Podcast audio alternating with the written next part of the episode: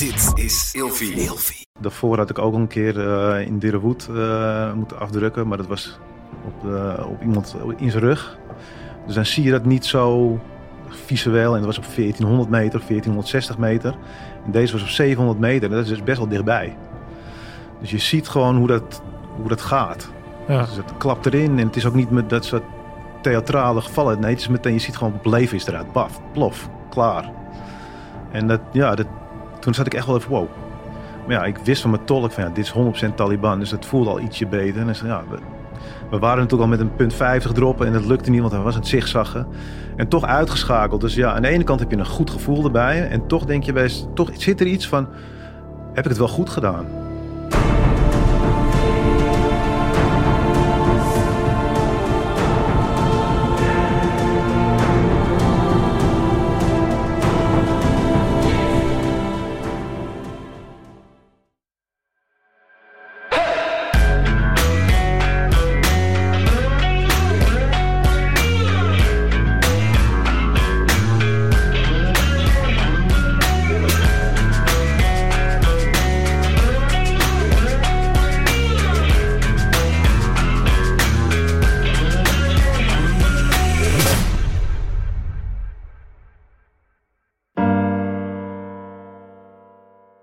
Voordat we zo starten met de podcast, even kort het volgende.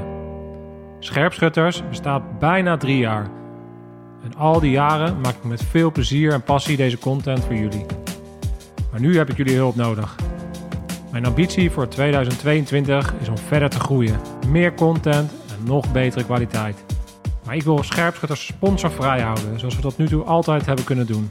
Geen invloed van merken, pure en authentieke content zoals jullie gewend zijn. Om mij daarbij te helpen kunnen jullie, en alleen als je wilt, niks verplicht, steunen via www.scherpschutters.online. Word lid en geef een eenmalig bedrag, of liever nog, steun ons maandelijks met een klein bedrag. Mijn dank is groot en ik hoop samen met jullie verder te kunnen groeien en nog veel meer gave content te maken. Veel plezier met de podcast. Hey, tof dat jullie weer kijken. Eh, welkom bij een nieuwe Scherpschutters. We hebben er heel veel zin in. Eh, Robert, Absoluut, tof dat je er bent, man. dankjewel.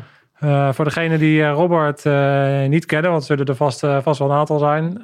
Jij hebt gediend. Je hebt bij Istar gezeten Ja, en in Afghanistan geweest. En wij hebben onlangs contact gehad, want jouw naam die viel eigenlijk ook toen het ging over het boek van Olof van Jolen, De Schaduwoorlog in Oeruzkan. klopt. Want daar zit jij ook in, hè? Met jouw eh, ja, klopt. Met, met een stukje. ja.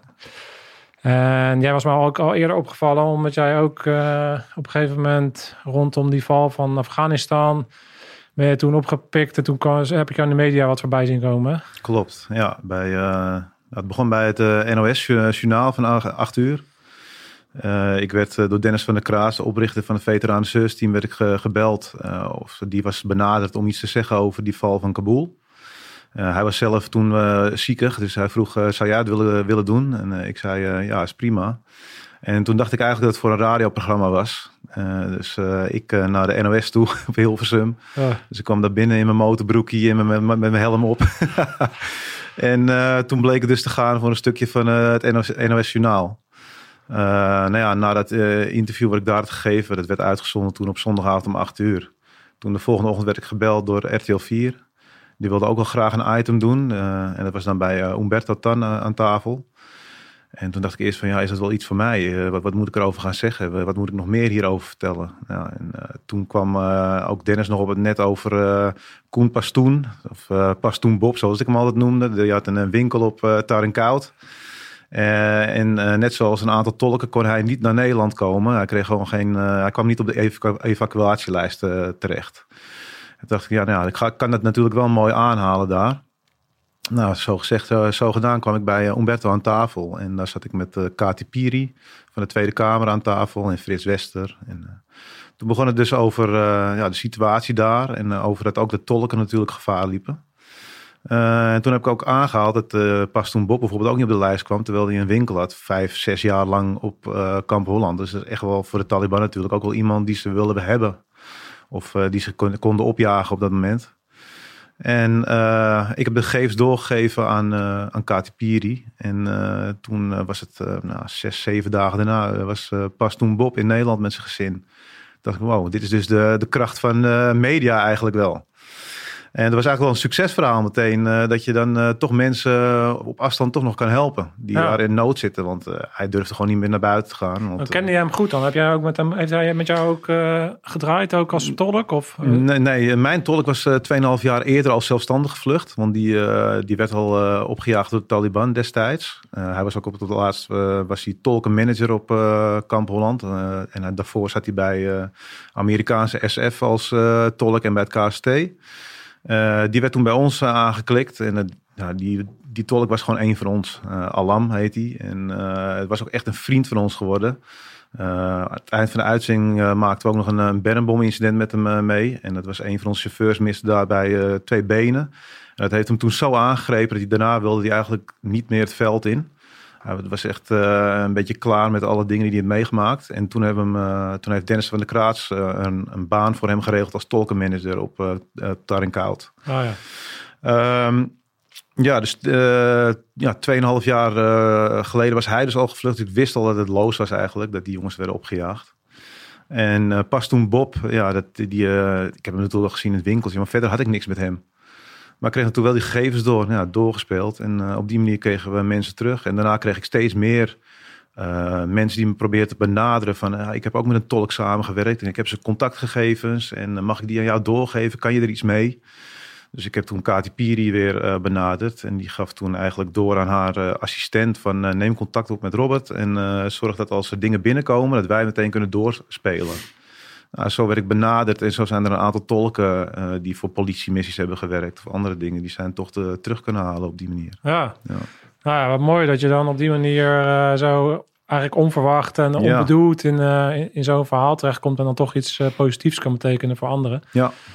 Hey, voordat wij, ehm, we gaan het ook nog wel eventjes hebben over de val van Afghanistan en, en, en dat hele verhaal en ook, ook, ook, dit verhaal. Maar ik wil zo meteen eerst even teruggaan naar natuurlijk het begin, wie, wie jij eigenlijk bent. Ja.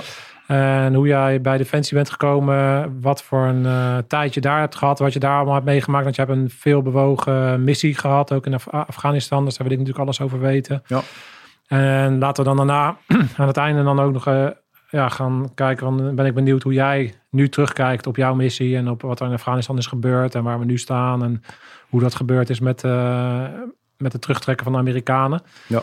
En, en, de, en deze tolken. Dus ehm, ja, ik heb heel veel zin in. Ik ben heel erg benieuwd. En ik ken jouw verhaal ook nog niet helemaal exact. Dus ik uh, vind het altijd heel tof om uh, tegenover jou te zitten.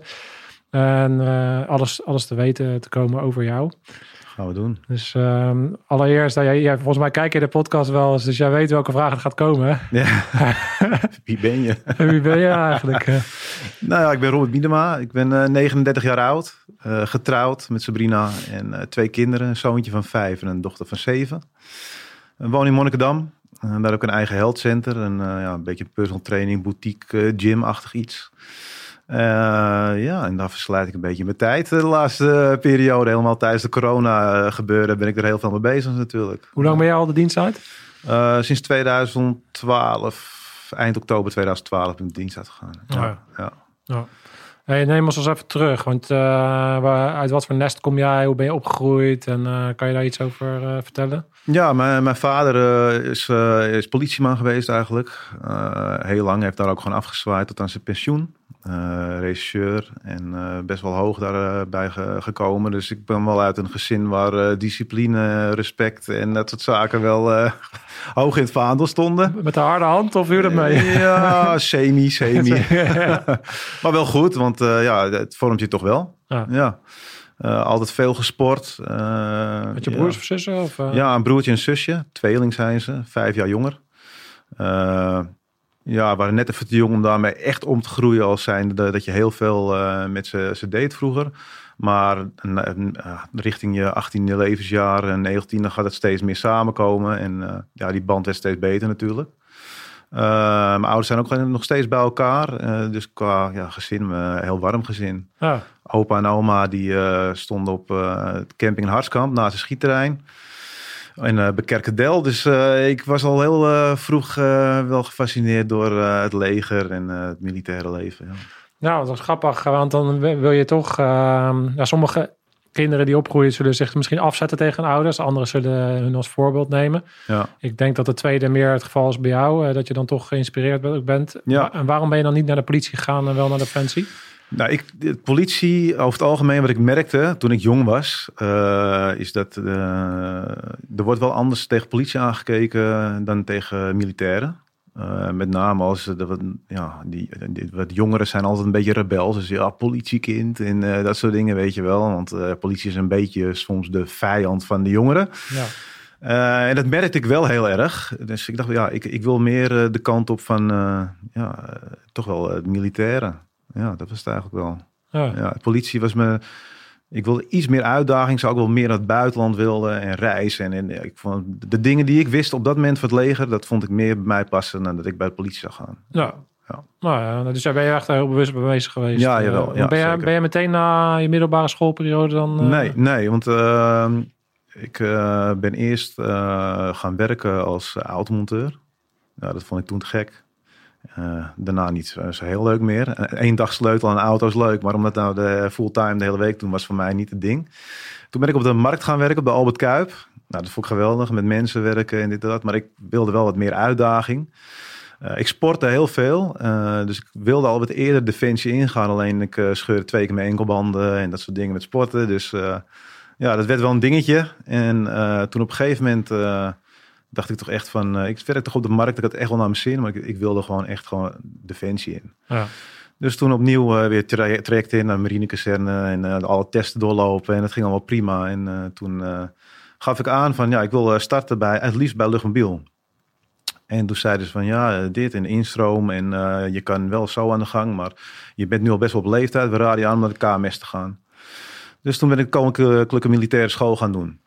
En, dat is eigenlijk uh, voor de mensen die dat niet weten, KMS is een onderofficiersschool. Opleiding, ja. En dan ja. ga je eigenlijk een soort van uh, horizontaal instromen. Hè? Dus dan begin je niet onderaan nee. de ladder, om het maar zo te zeggen. Maar nee, je, je... Gaat, je draait eigenlijk je algemene militaire opleiding. Dus je AMO draai je al bij de KMS. En dan ga je door INI 1, INI 2 destijds. Dus je, je groeit door totdat je zeg maar onderofficier wordt. Aansluitend, dat duurde bij elkaar een jaar dat traject, meen ik. Uh, en aansluitend kwam je op de vaktechnische opleiding, de VTO, kwam je terecht. Daar werd je dan opgeleid als ja, ploegcommandant of groepscommandant van een verkenningsgroepje. en dan kwam je praat. En dan ben je dus geen, uh, je, je, hebt dan niet je, je, je rode beret gehaald. Nee, je hebt geen lucht, nee, je, hebt niks nee. met, je bent een soort van algemeen Je bent algemeen opgeleid. Dus je, je, je gaat uh, tot aan je vaktechnische opleiding. Daar ga je pas naar het dienstvak waar je zeg maar uh, dan uh, terecht gaat komen. En wat zijn dan een beetje de keuzes die je daar dan hebt? Uh, nou ja, ik kon dan bij de cavalerieverkenning. Uh -huh. nou, dat, dat sprak mij wel aan, want het zijn kleine groepjes, uh, redelijk zelfstandig optreden. En uh, dat is mijn richting wel geworden. Uh, je kon ook VTO-infanterie gaan doen. Of, ja, en als je VTO-infanterie destijds deed, kon je niet direct luchtmobiel doen op dat moment. Tegenwoordig is het wel anders. Kon je, volgens mij kan je nu wel gewoon de VTO-luchtmobiel meteen instromen. destijds niet. Het was eigenlijk wel infanterie of cavalerie. Oh ja. ja. Oké, okay, dus en, um... Hoe, hoe, hoe, heb jij die uh, periode ervaren? Het, uh, het, vormingsproces en het militair worden, hoe was dat voor jou? Uh, het was schakelen. Nou, schakelen voor mij niet echt, want ik, ik ging eigenlijk uit van het ergste. En dat was eigenlijk alleen maar goed, want uh, ik weet wel, bij de KMS kregen we op een gegeven moment, uh, daar heb je een, een, PC, zeg maar, die is verantwoordelijk voor die opleiding. En dat was uh, een luchtmobieler. En er waren wat andere, een, een KST'er schreef dan de eindoefening van ons. Dus dat werd al best wel gas gegeven. Veel mentale trainingen en fysieke trainingen. Dus je werd al best wel goed gevormd op dat moment. Maar ik zag wel dat er verschil zat tussen de verschillende groepen die daar zaten. Want wij zaten dan, wij waren Charlie Compie. En de andere had weer een heel ander kader. Dus het lag ook wel een beetje aan wat voor kader je had. Hoe zwaar jij die periode zou gaan krijgen. Uh, maar het vormen in het algemeen, ja, ik vond het steeds een uitdaging. En ik merkte ja, tijdens elke mentale training of fysieke training dat er anderen uh, het er moeilijker mee hadden dan ik. En dat trek je jezelf wel een beetje aan op. En als jij het gevoel krijgt van ze kijken ook een beetje tegen jou op dat moment, ja. dat maakt jezelf gewoon sterker. Ja, gek is dat. Ja, dat is heel gek. Dus uh, daardoor kwam je, kwam, liep ik er echt heel lekker doorheen. En ja. ik heb er echt een leuke periode gehad. En toen kwam ik op mijn vaktechnische opleiding. En was ik de enige spijkerbroek op dat moment. Want ik was natuurlijk meteen direct naar de KMS gegaan en door uh, de VTO in. Ja, dat is, dat is voor de mensen die niet uh, de defensieorganisatie kennen. Kijk, het horizontaal stroom, instromen noemde ik al. Kijk, in het begin, dat merkte ik wel, want er werd ook bij de mariniers gepraat, wordt daar een beetje met een scheef oog naar gekeken. Hè? Want wat, wat je eigenlijk, uh, er is meestal meer respect eigenlijk voor de mensen die dus van onderop Precies. opgroeien en dan, ja. en dan al wat ervaring hebben. Ja. En dan uh, onderofficier worden. En jij moet je eigenlijk wat dat betreft misschien wel wat harder, ja, wat meer je, bewijzen. Ja, absoluut. Ja, dat merkte ik vooral toen ik uh, bij de vaktechnische opleiding kwam. Want het waren natuurlijk allemaal mensen die hadden al bij een verkenniseenheid gediend. Ja. En die gingen dan van corporaal naar een uh, onderofficiersfunctie. Ja.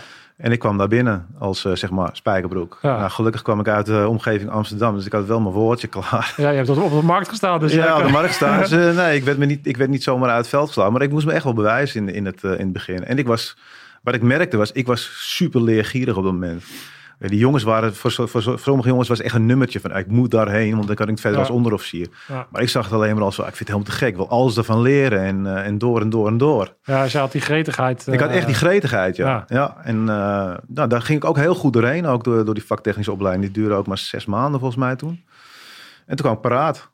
Nou, en paraat had ik toevallig een, ja, die is nu een major bij Luchtmobiel geworden. Raymond Ott heet hij.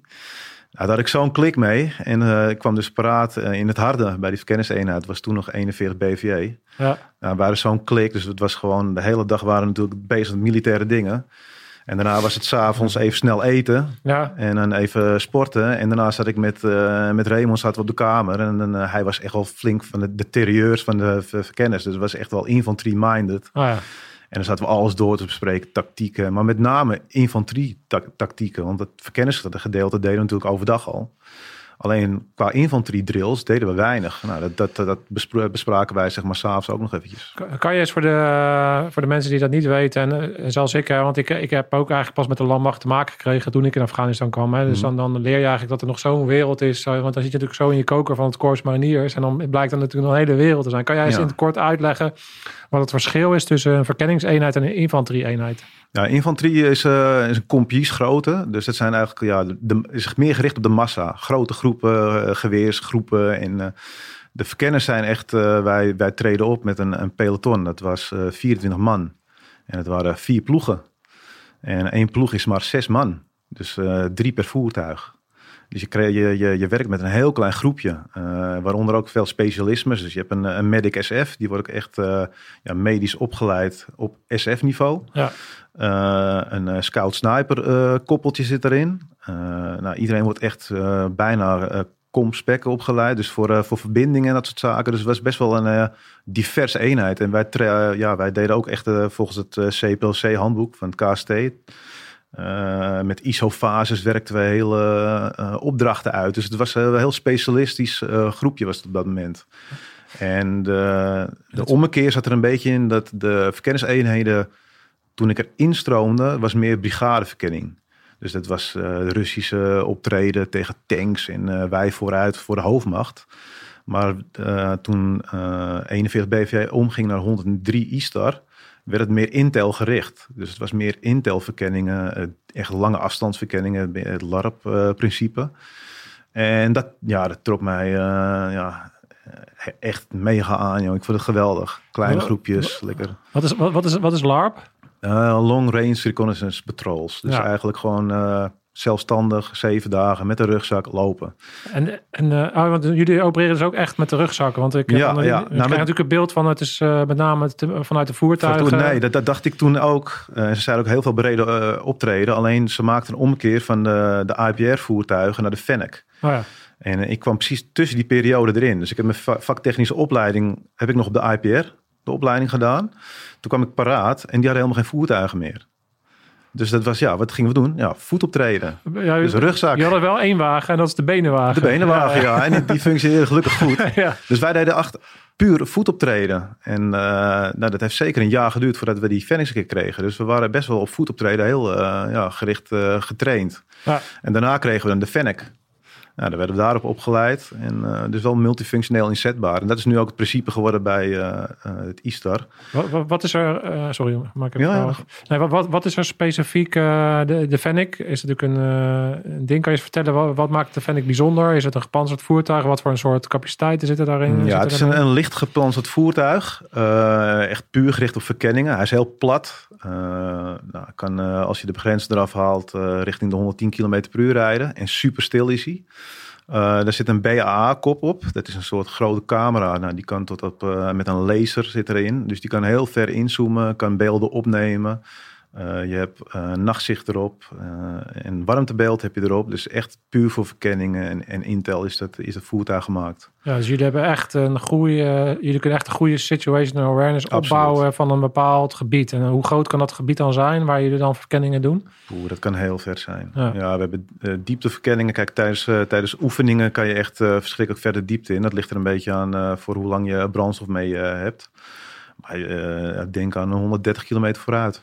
En, vooruit, en, waar zit dan jullie bottleneck? Is het, de, is het de logistieke aanvoer? Is het de medische capaciteit, de rol, de rol 2? Of is het de, vuur, is het de luchtsteunondersteuning? Mm. Waar, waar, zitten jullie, waar zit jullie beperking?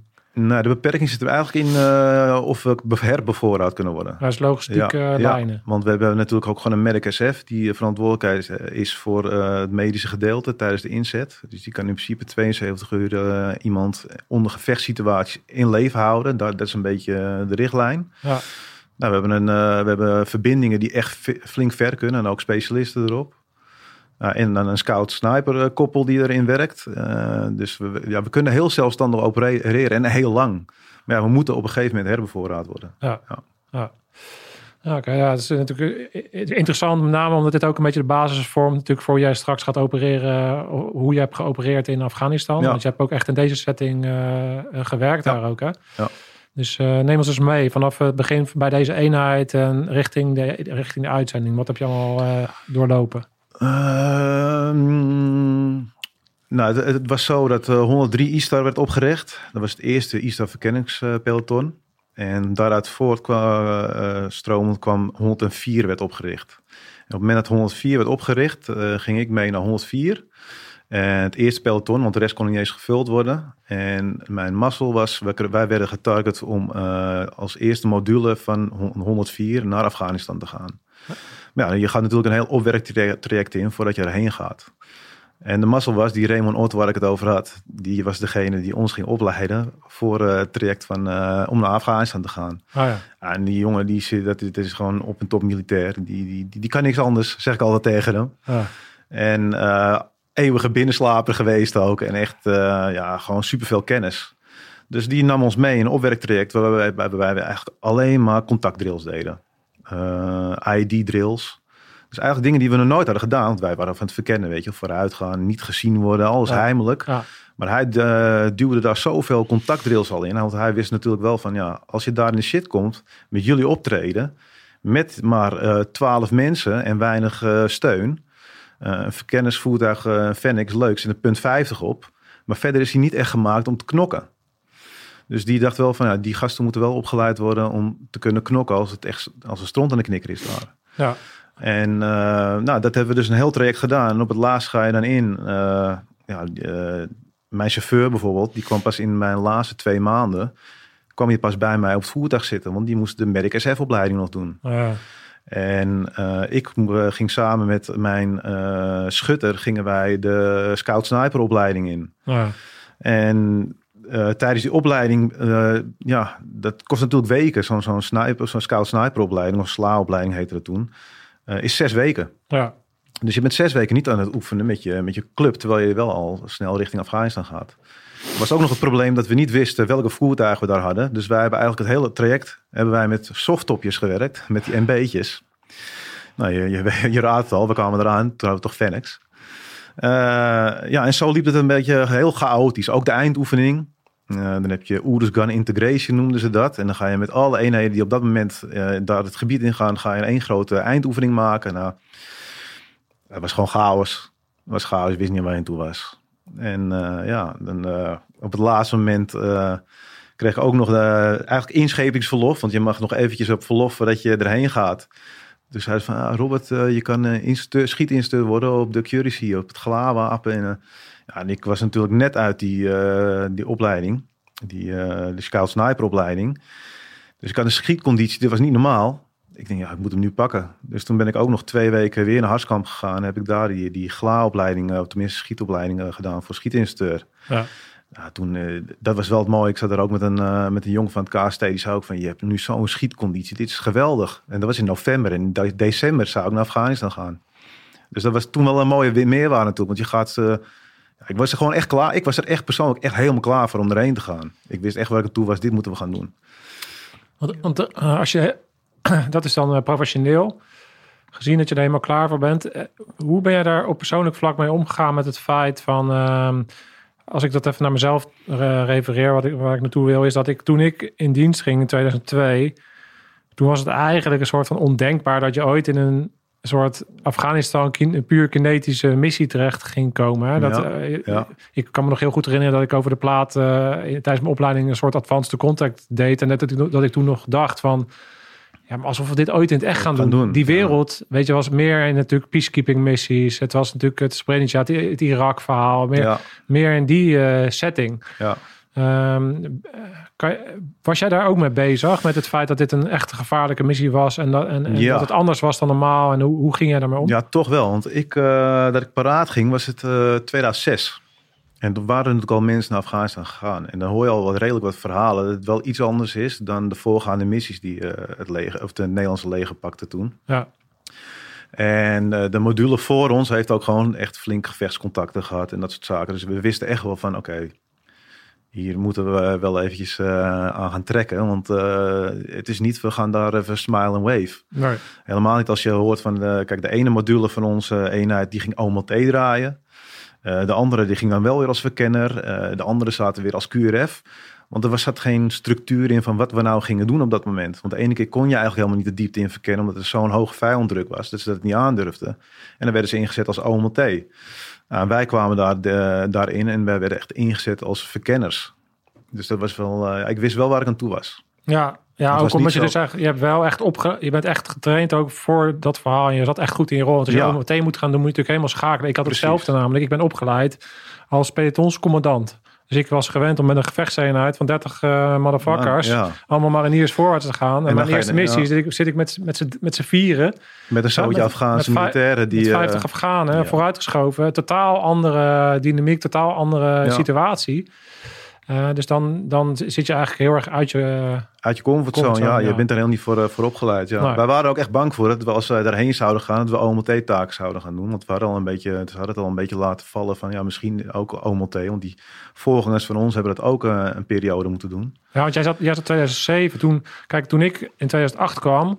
toen was het eigenlijk al op het punt... dat er geen enkele operatie meer gedaan werd zonder Afghanen. Ja. dus, dus ik denk dat dat bij jou nog niet speelde, of wel? Nee, nee, wij deden gewoon operaties zonder uh, ja. Afghaanse. Dus rond 2007, 8, 2007, uh, 2007 2008 is die omslag gekomen, ja. waarbij er op een gegeven moment is opgelegd van in, in die structuur. Kijk, de hele opbouw was natuurlijk van uiteindelijk moeten de Afghanen het zelf gaan doen. Dus ja. die OMT was natuurlijk ook een soort van centraal van de exit-strategie, om het maar zo te zeggen. Mm -hmm. Dus van en ik denk dat in 2007 dat je er net voor zat, wat dat betreft. Ja, ja, ik heb er ook niet weinig mee te maken gehad. Andere verkenniseenheden, zoals uh, 42 BVE of 41 BVE, die werden daar wel op uh, getast. Dus die draaiden nog wel OMT. Maar wij werden echt als Intel-verkennis ingezet. Ja. En dat was een beetje het verschil op dat moment. Oké. Okay. Ja.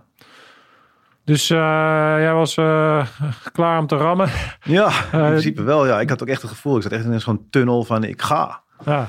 En thuis steunde iedereen me ook van, uh, ja goed, achteraf kwam ik erachter dat ze er eigenlijk helemaal niet zo blij mee waren. Maar ze steunen me wel volop, weet je. Ik voelde me ook echt gesteund. En ik zat zo in die, en dat is mede door die Raymond ik zat zo in die, die, die mindset van, oké, ik ga erheen, ik ga mijn ding doen daar. Ja. ja. En, en was jij de ploeg, jij was corporaal denk ik Nee, ik was uh, sergeant. sergeant. Ja, ja. Dus jij was, uh, jij was commandant van jouw clubje? Hoe werkt dat? Nee, ik, had, uh, ik was eigenlijk plaatsvervangend commandant. Oh ja, dus heb je... ik, had, ik zat bij de OPC, dus de, de Echo zat ik eigenlijk in de ploeg. Ja. En we hadden nog een Romeo, dus een PC, een luitenant.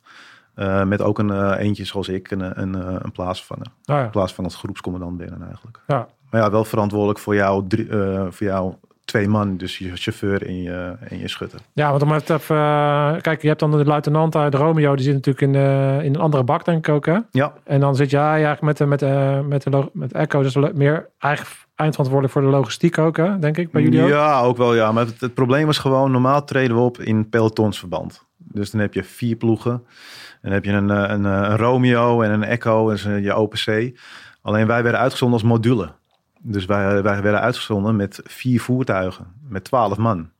En daarnaast hadden we één iemand eh, die ging mee voor de overhead. En die zat dan op het kamp als wij eh, zeg maar het gebied ingingen. Ja. Eh, die wist hoe wij eh, optraden, zeg maar, in dat, in dat, tenminste hoe verkenners optreden. Want dat was niet bekend. Wij werden aangestuurd door een, een modulecommandant die niet van de eenheid zelf was. Ah. Dus een, bijvoorbeeld een verbindelaar die ons moest aansturen. Maar ja, die hadden niet zoveel kaas gegeten van wat verkenners nou eigenlijk deden. Liep, je, liep je daarin eh, tegen eh, problemen aan? Ja, absoluut. ja. ja. absoluut. Ja, Ja. absoluut. Want, En, eh, op ja, wat voor al- vlak zit dat? eh, om eens uit te leggen van wat. Kijk, het is een beetje vergelijkbaar met een eh, schoolmeester die eh, minister wordt van eh, volksgezondheid. Ja, nou ja. Ja, dus, Ja, dus, eh, Dus, eh, kan jij eens uitleggen wat er dan gebeurt op het moment dat je dus aangestuurd wordt vanuit iemand die buiten die eenheid zit? Wat, wat, wat, tegen wat voor dingen loop je dan aan?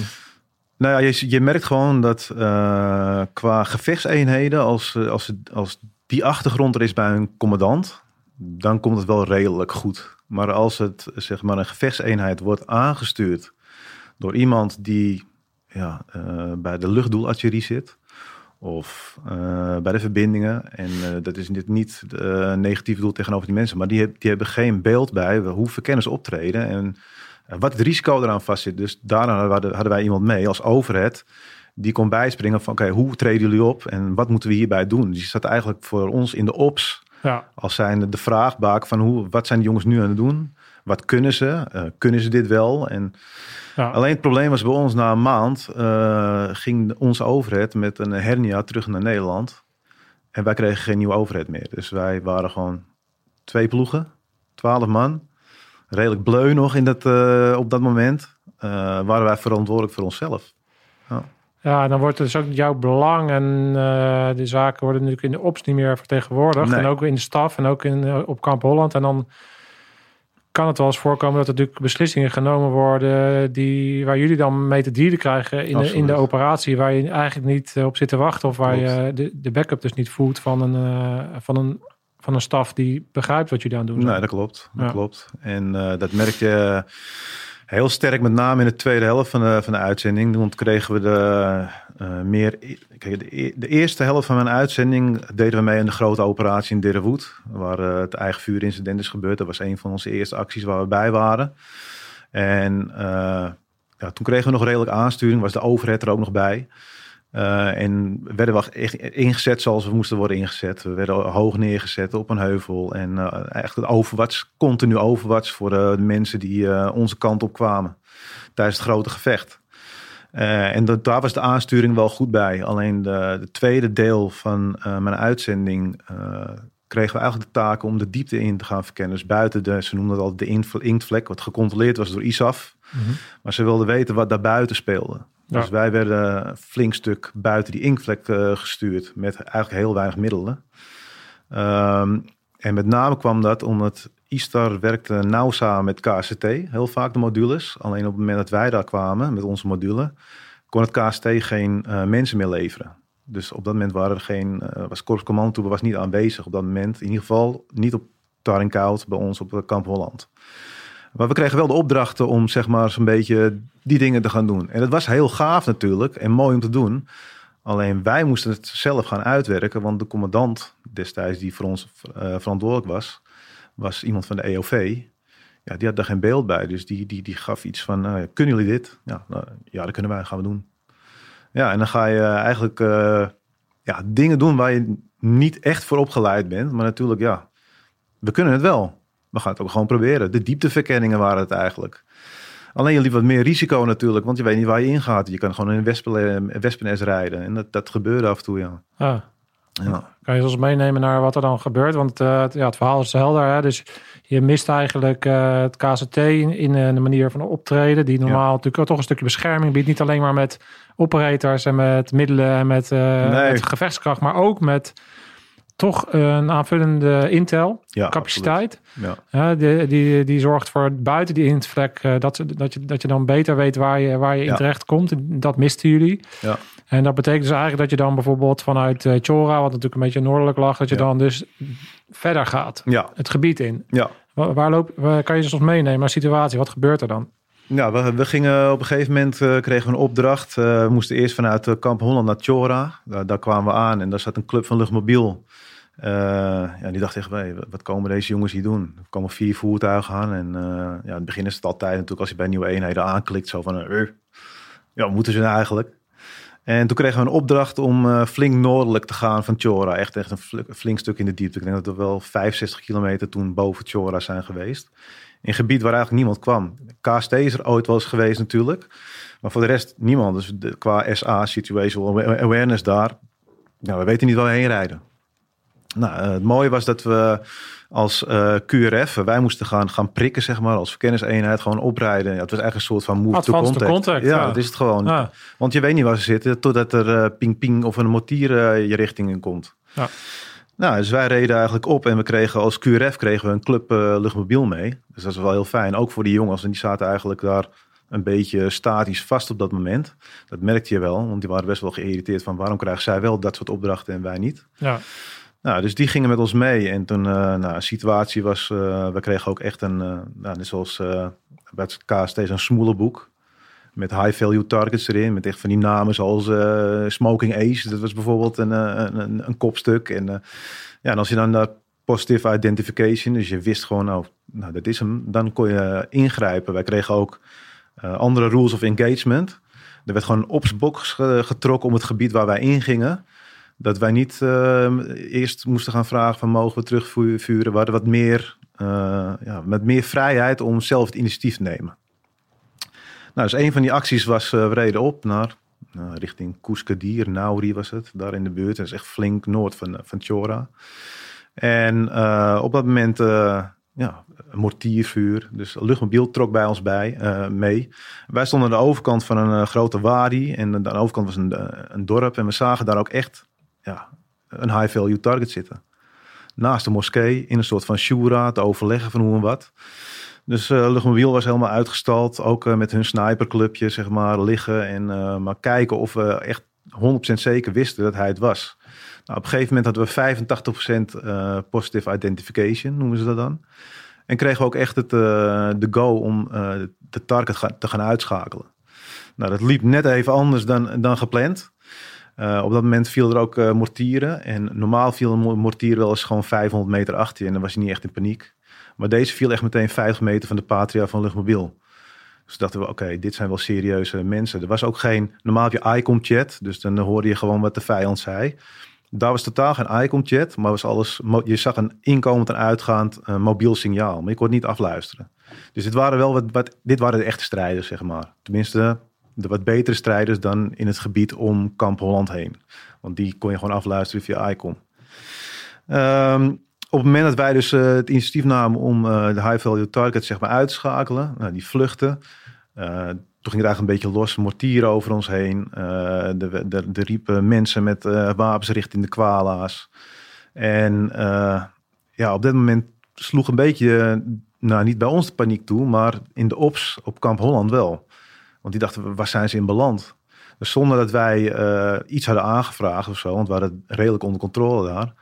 Werd er een van, ah, we, sturen twee Apaches jullie kant op en eh, dit en dat. En we, we pompen daar wel wat in. En uh, waren echt zoiets van, wat gebeurt hier? En daarin merkte je heel erg dat, dat er slecht werd geluisterd naar de mensen die daar echt daadwerkelijk, daadwerkelijk staan. Want wij werden op een gegeven moment ook na die actie teruggetrokken. Terwijl we eigenlijk gewoon dachten, van, we kunnen hier prima blijven staan, s'nachts. Blijven monitoren en de volgende dag gewoon weer verder met de opdracht. Maar de, ja, de communicatie tussen de mensen die op het kamp in de op zaten. En helemaal omdat op dat moment niemand meer van de verkenners daarbij zat. Merkte je gewoon van, ja, zij hebben totaal geen beeld van wat wij nu hier aan het doen zijn. En wat wij nu eigenlijk van, van hun verlangen. Nee, nee dat is echt. Uh, ik had het ook altijd als er dan vijf weken op de, op de fop hadden gezeten. En dan kom je terug onder het stof en met baarden en eh, zonder beret op. En dan ja. kwam je in die wereld van Kamp Holland. En dan En dan ben je erop aangekeken dat je eh, aangesproken. en dan eh, weet je, je, je wilde basisjasje niet aan voor het eerst eventjes gewoon normaal vreten, weet je wel. En, Ja. En dan eh, lopen daar 100, er zaten toen 175 grootmajors. En die liepen dan allemaal gestreken pak. En die hadden lekker in een gepantserde Klopt. eh, eh, onderkomen gesnurkt, weet je wel. ja, En dan merk je dat dat dus een heel groot, hele grote wereld van verschil is. klopt. Ja, Ja, dat, eh, dat merkten wij ook heel erg hoor. Want eh, daar ben je op, echt, echt op aangekeken. Dan kwam je terug. Nou, je, je zag er niet uit. Nee, je weet het zelf. ja. Was één grote pleur. Je liep gewoon drie weken in dezelfde broek. En je kwam eruit als een voddenbal. En dan kwam je erop rijden. En dan kwam er echt iemand zo eh, naar je kijken. En dan, ja, wat is er? Oh, Je basisjasje even aan. En niet die snukpack. En eh, alsjeblieft zeg. Ik kom net eh, van drie weken eindelijk weer hier eh, op het kamp slapen. Mag het een keer? Ik stap net uit mijn voertuig, weet je wel. Precies, ja. dat soort dingen. Er was een heel groot verschil tussen de mensen op de basis en de mensen die daadwerkelijk op het veld, het veld in gingen. En er waren gelukkig ook wel heel veel officieren en ook van, eh, van de staf die af en toe gewoon zeiden van ik wil mee. Ja. Ik wil weten hoe het daar buiten is. Ja. Maar ook een heleboel die het niet deden. Ja, en die probeerden dan wel te beslissen over jouw opdracht. Terwijl Ja. ze eigenlijk meer moeten luisteren naar de mensen die eyes on hebben. Dan dat ze zelf gaan zitten denken van wat zien ze daar nu eigenlijk. Ja. Ja. Ik ben even benieuwd hoe die actie dan eh, verder eh, afliep. Eh, maar kan je ook even, jij, jij noemde iets en dan zeg je, we hadden 85% eh positive ID. En ik kan me voorstellen als iemand zit te luisteren die dan denkt, ja, maar dat is geen 100%. Precies, Eh, ja. Hoe werkt het dan in de, in de besluitvorming om dan toch eh, een, een target eh, te gaan aangrijpen? Nou, dat is dus het probleem geweest waardoor, het- waardoor het niet liep zoals we wilden. Die 50% was genoeg. Alleen vanuit de OPS moest er een bericht naar RC South in Kandahar. Kandahar moest weer naar Den Haag. Die moesten daar een go voor geven. En dat duurde alweer veel te lang. Dus puntje bepaald, degene die daar zat, die ging eh, terug een kwala in. En die is even later in vrouwenkleren met twee kinderen naast hem gewoon opgepikt door een, een pick-up truck. En die is gewoon weggereden. Want ja, zodra het vrouw is, terwijl eigenlijk 100% wisten van hij zit daar in, het, in, in die boerka met die twee kinderen naast hem. Dat, dat wist iedereen op dat moment. Je kan niet aangrijpen. Dus die besluitvorming van ja, jullie gaan daarheen. Eh, jullie krijgen meer het initiatief zelf. Maar we moesten het wel doorgeven van oké, we hebben hem gezien. 85% PID was genoeg. Dus in principe mochten we aangrijpen. Maar we moesten een clearance krijgen om dat te gaan doen. En die kwam te laat binnen. Ja, en ja, wat gebeurt er dan? Eh, ondertussen vliegen de mortieren naar je toe. Eh, komen er strijders over de berg met, eh, met wapens rennen die je moet uitschakelen. En dat gebeurt allemaal wel. Alleen het, het hoofddoel om diegene uit te schakelen waar we voor zaten. Dat is gewoon misgelopen natuurlijk. Ja, en dan eh, wordt er een besluit genomen van jullie mogen niet verder. Jullie, gaan eh, terug, terugtrekken. En eh, nou, eigenlijk, dit- eigenlijk wordt de opdracht afgeblazen. Zonder succes. En wat doet dat met jou? Ja, ja, wat doet het met mij? Het probleem was een beetje, er, werd daar, er is daar één strijder omgekomen. Van, van wie? van, van de OMF, de, de Taliban. Ja, ja.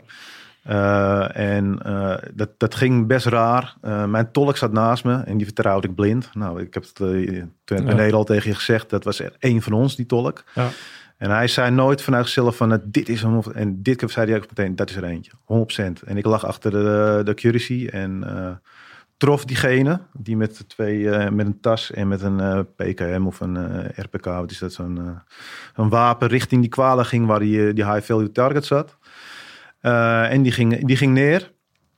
Eh, en op dat moment eh, dacht ik van, fuck, oké, ik heb goed mijn werk gedaan.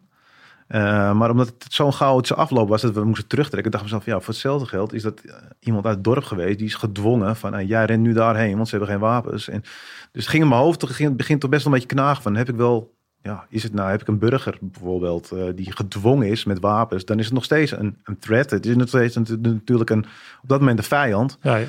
Maar ja, ik- het is wel gebeurd. En gelukkig de volgende dag dat we terugkwamen op Chora, eh, was er over de ICOM geweest daar ook, dat er één strijder in eh, nou, het gebied waar wij zaten, zeg maar, omgekomen was. Dus toen dacht ik bij mezelf wel van, ja, ik heb toch goed mijn werk gedaan. Maar die nacht heb ik daar echt wel even een beetje zitten nadenken van, oh, wat heb ik nu eigenlijk gedaan? Ja. Want als jij door een kijker kijkt op iemand, dat was toen op 700 meter, door een kijker van een accuracy kijkt, dan zie je toch echt wel, dit is een, dit is een mens die je goed treft. En, en hoe, hoe werkt dat? Is dat dan... ehm, inderdaad met name de menselijke factor die je bezig gaat houden? Of is het ook de factor van, oh, als het fout is, dan ben ik straks, word ik straks soort van vervolgd of zo? Speelt dat ook in je hoofd mee? Of hoe? Nee, op dat moment was het meer echt een menselijke, Menselijke factor. factor. Ja, absoluut. Ja, Absoluut. En ook de manier waarop het ging. Het was de eerste die ik echt goed zag. Daarvoor had ik ook al een keer eh, in Dirrewood eh moeten afdrukken. Maar dat was op, de, op iemand in zijn rug. Dus dan zie je dat niet zo visueel. En dat was op 1400 meter, 1460 meter. En deze was op 700 meter. Dat is dus best wel dichtbij. Dus je ziet gewoon hoe dat, hoe dat gaat. Ja, Dus het klapt erin. En het is ook niet met dat soort theatrale gevallen. Nee, het is meteen, je ziet gewoon op leven is eruit. Paf, plof, klaar. En dat, ja, dat, toen zat ik echt wel even wow. Maar ja, ik wist van mijn tolk van ja, dit is 100% Taliban. Dus het voelde al ietsje beter. En zei, ja, we, waren natuurlijk al met een punt 50 droppen. En het lukte niet, want hij was aan het zigzaggen. En toch uitgeschakeld. Dus ja, aan de ene kant heb je een goed gevoel erbij. En toch denk je bij, toch zit er iets van, heb ik het wel goed gedaan? Want ja, jij hebt de trekker overgehaald. Dus dat was, was voor mij best wel even schakelen die dag. ja, Dus het was echt een hele grote opluchting. Want ik heb, ja, dat is wel grappig, ik kreeg aan het begin van de uitzending een dagboekje. Ik dacht, nou, daar ga ik nooit iets mee doen. ja. Maar ik heb serieus, van dat soort dingen heb ik erin geschreven. En dan staat er ook gewoon uh, ingeschreven van de volgende ochtend kreeg ik te horen via, dat het via de ICOM-chat was opgepikt. Dat er een Taliban-strijder was omgekomen. Dat was die. Dus toen dacht ik wel zo, oké, gelukkig, ik heb mijn werk wel goed gedaan. ja. Ja, maar je neemt, je neemt een mensenleven, je schakelt iemand uit. Kijk, het is niet dat, het, eh, dat je het voor je lol doet, maar op dat moment is het wel, ja, het moet. Want ondertussen viel natuurlijk, eh, ja, het kan ook aan onze kant gebeuren. Dit, dit, dit, dit- is waar je, waar je dit is je werk. Dit is, Ja, is dit het werk, ja. je doet. Maar Ja. het- kijk, ik vind het heel interessant om even de ge- gedachtes en, de, en zo dicht eigenlijk te kunnen komen bij zo'n proces. Hè? Ook voor de mensen die dit luisteren, denk ik dat dat eh, ehm, bijzonder is om te horen. En dat heeft te maken met misschien een beeld wat mensen hebben vanuit films of weet, weet ik veel wat. Of dat het een of andere ge- gewetenloze zaken zijn. Maar, niet. maar, maar, je, maar je hebt natuurlijk te maken met gewoon een gezonde eh, jongen die in Monnikendam is opgegroeid. En die bepaalde keuzes maakt in zijn leven. Die vervolgens bij, eh, bij Defensie gaat dienen. En, en dan op dat moment in zo'n situatie komt, Komt, waarop ja. jij dus eh, met, met deze vinger Ja, beslist over leven en dood van een ander. En dat, dat doet iets met je. Dat, dat is, ja absoluut. Dat doet zeker iets met je. Eh, ja, ik, ik, ik wist wel heel goed van mezelf. Want ik heb ook wel eens bij eh, eerdere acties dat ze zeiden van... Ja, ik, ik heb het gezien en eh, gewoon vuren, want ik heb eh 100% een wapen gezien. Als ik het zelf niet zag, deed ik het gewoon niet. Ik heb echt wel, ik dacht tegen mezelf, ja, ik moet, ik moet straks terug ook mezelf in de spiegel aan kunnen kijken van wat heb ik gedaan. En ik ga niet zomaar blind uit van iemand die tegen mij zegt van eh, ik zag dat hij een wapen had en eh, ik kon gewoon vurenvrij gaan. Nee. Nee, dus ik heb altijd heel bewust gekeken. En het was ook het, dat was het gekke met mijn tolk. Daarom heb ik ook zo'n echt zo'n mega band met hem eigenlijk wel. Dat ik lag op dat moment en ik zag hem natuurlijk rennen met wapens. Dus je weet, het, het klopt niet. Maar dat hij naast me zat, door die, eh, door die kijker heen te kijken. En mijn sporter ook natuurlijk. Maar hij gaf meteen aan, dit is er één. Ja, dat, Ja. dat, dat ja, gaf mij wel dat extra setje om toch sneller in te grijpen nog. Ja. Ja. ja, dat betekent niet dat, het, dat je dan, als je zelf de wapens niet had gezien, dat je dan blind had geschoten. Maar het, Nee. geeft, het geeft net even die, eh, dat vertrouwen. Dat vertrouwen, ja, ja. Ja. En het was al een heel lastige, want het was, was, hij was maar aan het zigzaggen. En ik had al een paar keer eh proberen te, erop te komen. En toen zei hij, ja, plop, toen zat, toen zat hij erop. Ja. Ja, nou ja, ik herken ook het, eh, het, het eh, verhaal van de tolk. Ik heb natuurlijk met ANA's gewerkt en eh, echt met hun geleefd en Ja. geopereerd. Hè. Dus, dus zij, en zij waren ook echt onze veiligheid. Dus, en ik, ik kan bevestigen dat zij op een andere manier door dat gebied heen liepen dan wij. Zij zagen andere Absoluut. dingen. Zij, ik, heb, Ja. ik heb momenten gehad dat zij zeiden: Dit is foute boel. Maar ik heb ook momenten gehad dat bijvoorbeeld de Australische eh, Special Forces lui hadden opgepakt. En dat zij zeiden: Dit, is, dit, is, niet. dit, dit klopt Nee, niet. Dit klopt. zijn geen strijders. Nee. Weet je, dus ze hebben allebei de kanten waren zij. Ja, zij hebben dat gevoel er ook bij. Wij zijn ook wel eens naar beneden gelopen, een, een dorp in. En eh dan zei hij ook van, we gaan niet verder. En mijn OPC, die wilde altijd wel verder. Die was ook wel, eh, wel flink van. En die zei, we gaan gewoon verder. Hij zei, nee, we kunnen hier echt niet verder. Dat gaat, niet, dat gaat fout aflopen. En hij wist ook gewoon, die, hij zag dat. Wij zagen dat totaal niet. We dachten, nou, aardige, aardige lui hier. Maar het was gewoon Taliban. Ja, de- dus bizar dat je dat zelf, die hebben zo'n feeling daarmee. Ja, En vooral onze tolk, die Alam, die was echt goud waard voor ons. Was zo'n goede gozer. Ja. Was, is zo'n goede gozer. ja, Ja, dus dat was echt een meerwaarde voor ons. Ja, ja. Ja, mooi. Ja, je bouwt gewoon een band op met elkaar. En dan helemaal eh, met, die, met die jongens eh, daar. Omdat je weet dat zij toch met een andere manier ook die oorlog voeren. Hè? Dat is Ja. eigenlijk vergelijkbaar dat jij vanuit Monnikendam naar Limburg eh, gaat en dan daar, eh, weet je, tegen de Duitsers gaat, ik noem maar even wat, Ja. eh, gaat vechten. Weet je, zij vechten echt natuurlijk nog op een andere manier dan jij. Ik bedoel, jij gaat ook heen met een goe- goede bedoelingen en natuurlijk een stukje avontuur en, en, en, en al die dingen die erbij komen kijken. Ehm, en, en als je het helemaal uitkleedt, ga je natuurlijk voor, voor, de, voor de vrijheid van Nederland. Hè, vecht je voor, voor dat verhaal en, en, en voor Mhm. de coalitie en bla bla bla bla bla. Maar toch zal dat anders zijn Dan voor hem. dan voor Absoluut. hem. En dat voel je, hè? Ja, dat voel je zeker. Je ziet gewoon, eh, die, jongen was, eh, hij is 40, 41, hij is twee jaar ouder dan ik. Maar destijds, dat, is het gekke, ik was toen 25, keek ik tegen hem op alsof, alsof hij al 50 was, weet je wel. Terwijl hij eigenlijk maar twee jaar ouder was dan ik. Dat wist ik toen helemaal niet, maar goed. Maar ze zien er ook wat anders ze, uit, hè? ze zien er sowieso wat anders uit. Maar ze zijn ook veel volwassener natuurlijk. Ja, en ze ja. zijn zo veel meer...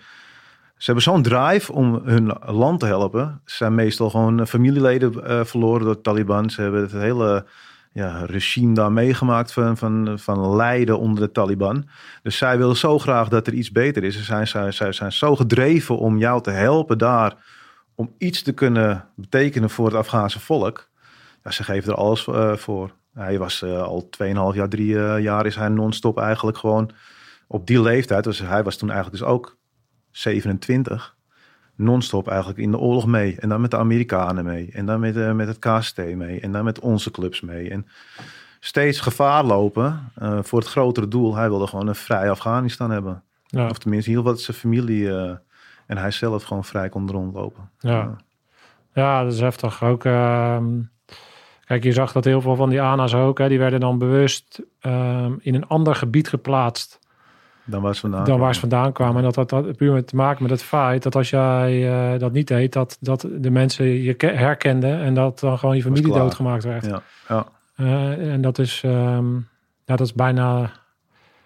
Ja, dat is heel, ja, ik probeer het dan altijd te verplaatsen. Inderdaad, naar, oké, je gaat van Monnikendam. Als jij in Monnikendam daar gaat, eh, gaat opereren, ja, dan weet Dan- iedereen van dan- nee, hij hey, jij- eh, steunt die en die. Ja, dan, dan, wordt dus de Ja. buurman van jouw eh, ouders, eh, die, Ja. die eh, vermoordt gewoon je, je, je, je, je, je ouders. En dan moet je dus eh, ja, in Limburg gaan opereren, omdat je dan Ja, niet Maar- herkend wordt, maar daar wel iets kan doen. Gewoon ja. om even die druk eh, weer te geven van, van dat verhaal hè, Ja. van de jongens. En ik had gasten die, ja, die precies hetzelfde. Die, die waren al drie jaar op uitzending Ja, eigenlijk. bizar. Die waren gewoon al drie jaar gewoon En op pad. gew- gewoon gewend eigenlijk aan al dat soort dingen. Ja, Terwijl voor ons mega heftig is wat je in een korte periode meemaakt. En zij eigenlijk op dezelfde leeftijd als jij.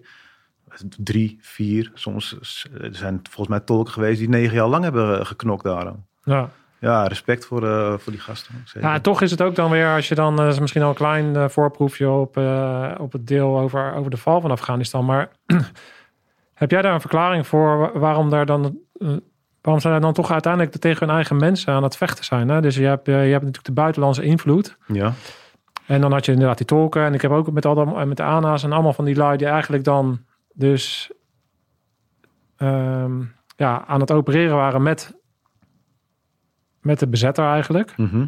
En dan heb je de Taliban natuurlijk helemaal overtuigd waren van hun, dat zij het juiste deden. ja. Hè, dus dus je, je, en je ziet hoe snel eigenlijk eh, die val is gekomen en hoe snel eigenlijk dat dan weer omslaat. ja. Heb jij daar een verklaring voor? Eh, heb jij daar wel eens over nagedacht? Ja, ik heb wel over nagedacht. Want ik, kijk, dus de Taliban is, eh, het is niet één Taliban. Ehm, de Taliban in Derewood bijvoorbeeld destijds was niet hetzelfde als de Taliban die destijds in Kandahar of Kabul zat, zaten. Ik denk ook niet, het, het was ook niet zo georganiseerd. Het waren meer, uh, waren meer waarschijnlijk eh, criminelen en eh, rovers en plunderaars en veel minder ontwikkeld dan de mensen die het Taliban eh, bewind in Kabul of in Kandahar voerden. Dus ik zie, het zijn ook een soort van losse groeperingen, denk ik. Beetje pockets, eh, en Ja. heel erg afhankelijk van het gebied. En van, Van het gebied, ja. ja. En je had ook natuurlijk wel wat buitenlandse vechters die ook Tsjetsjenen Ja. en eh, dat soort zaken, ja. En ja, het, het is heel lastig. Ik denk dat, eh, kijk, als jij als dorp ver van Kabul of Kandahar, wat redelijk ontwikkeld is nog, zit zoals Derewood of uh, Tarinkoud, dat je eigenlijk eerder geneigd bent om te kiezen voor degene waaronder je het meeste vre- vrede ervaart. Ja, dus dat is het opportunistische wat ik wel eens heb genoemd. Hè. Dat is Ja. logisch vanuit, vanuit Ja. overlevingsoogpunt. Dat ervaarde Precies. ik ook heel erg van. Ja, Ze, ze, ze, ze, ze gaan nu eigenlijk alleen maar met ons mee. klopt. Omdat wij op dit moment de sterkste partij zijn. Precies. En zij de grootste kans van overleven bij ons zien. Ja, Maar dat betekent natuurlijk niet dat op het moment dat wij weggaan.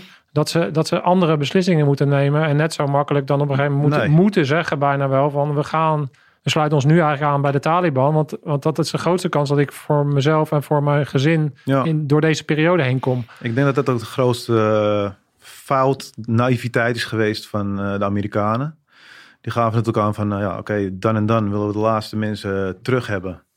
Nou ja, je weet gewoon dat als je in Derawood, eh op het moment dat je het daar loslaat en de Taliban komt daar binnen, ja, er wordt geen strijd geleverd door die mensen. Nee, die, is- nee vind je het gek? Ze hebben niks. Ze, Ze kunnen hebben niks. niks, ze kunnen niks. Ja, en die, die, die ANA-militairen die op een post worden neergezet, of de ANP, die politiemensen, die denken ook bij mezelf, ja, ik kan hier nu met, met z'n zessen blijven zitten op mijn post.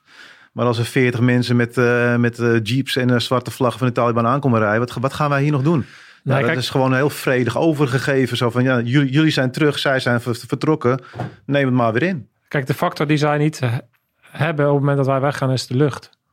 Ja, klopt. Want Ja. je, je, elk gevecht, alles, alles waar je over gaat hebben in Afghanistan, alles wat daar gebeurd is, alle situaties met, die eh, wij in ieder geval hebben meegemaakt daar, Ja, is altijd, op een gegeven moment komt die heli boven je En dan hangen. heb je rust. En dan heb je, oh, hè, ja relatieve rust. Ja, weet je, dan weet je, oké, ik ga het gevecht winnen. Ja, en zodra klopt. die factor wegvalt, ja, wat, wat ga je dan met een paar, ja, dan ja, dat klopt. ben je verloren eigenlijk. Dat klopt. En Ja. kijk, je, je merkte al gewoon, eh, waarschijnlijk heb jij het ook nog meegemaakt met de OMT. Ik denk dat, nou, laten we zeggen dat 40% echt wilde strijden ervoor. En 60% dacht, als ik betaald krijg en ik heb eten, vind ik het wel prima. Precies. En zie ik het wel. Ja. Maar op het moment dat ik één keer niet meer loon krijg, dan pak ik mijn wapen mee, ben ik weg. En heb ik meegemaakt, Kyber ook, dat er in één keer elf mensen van het OMT-team eh, de volgende dag waarschijnlijk gewoon eh, in de Belucci-vallei stonden om tegen je te gaan knokken. Ja, Ja, dus dat is heel bizar. ja.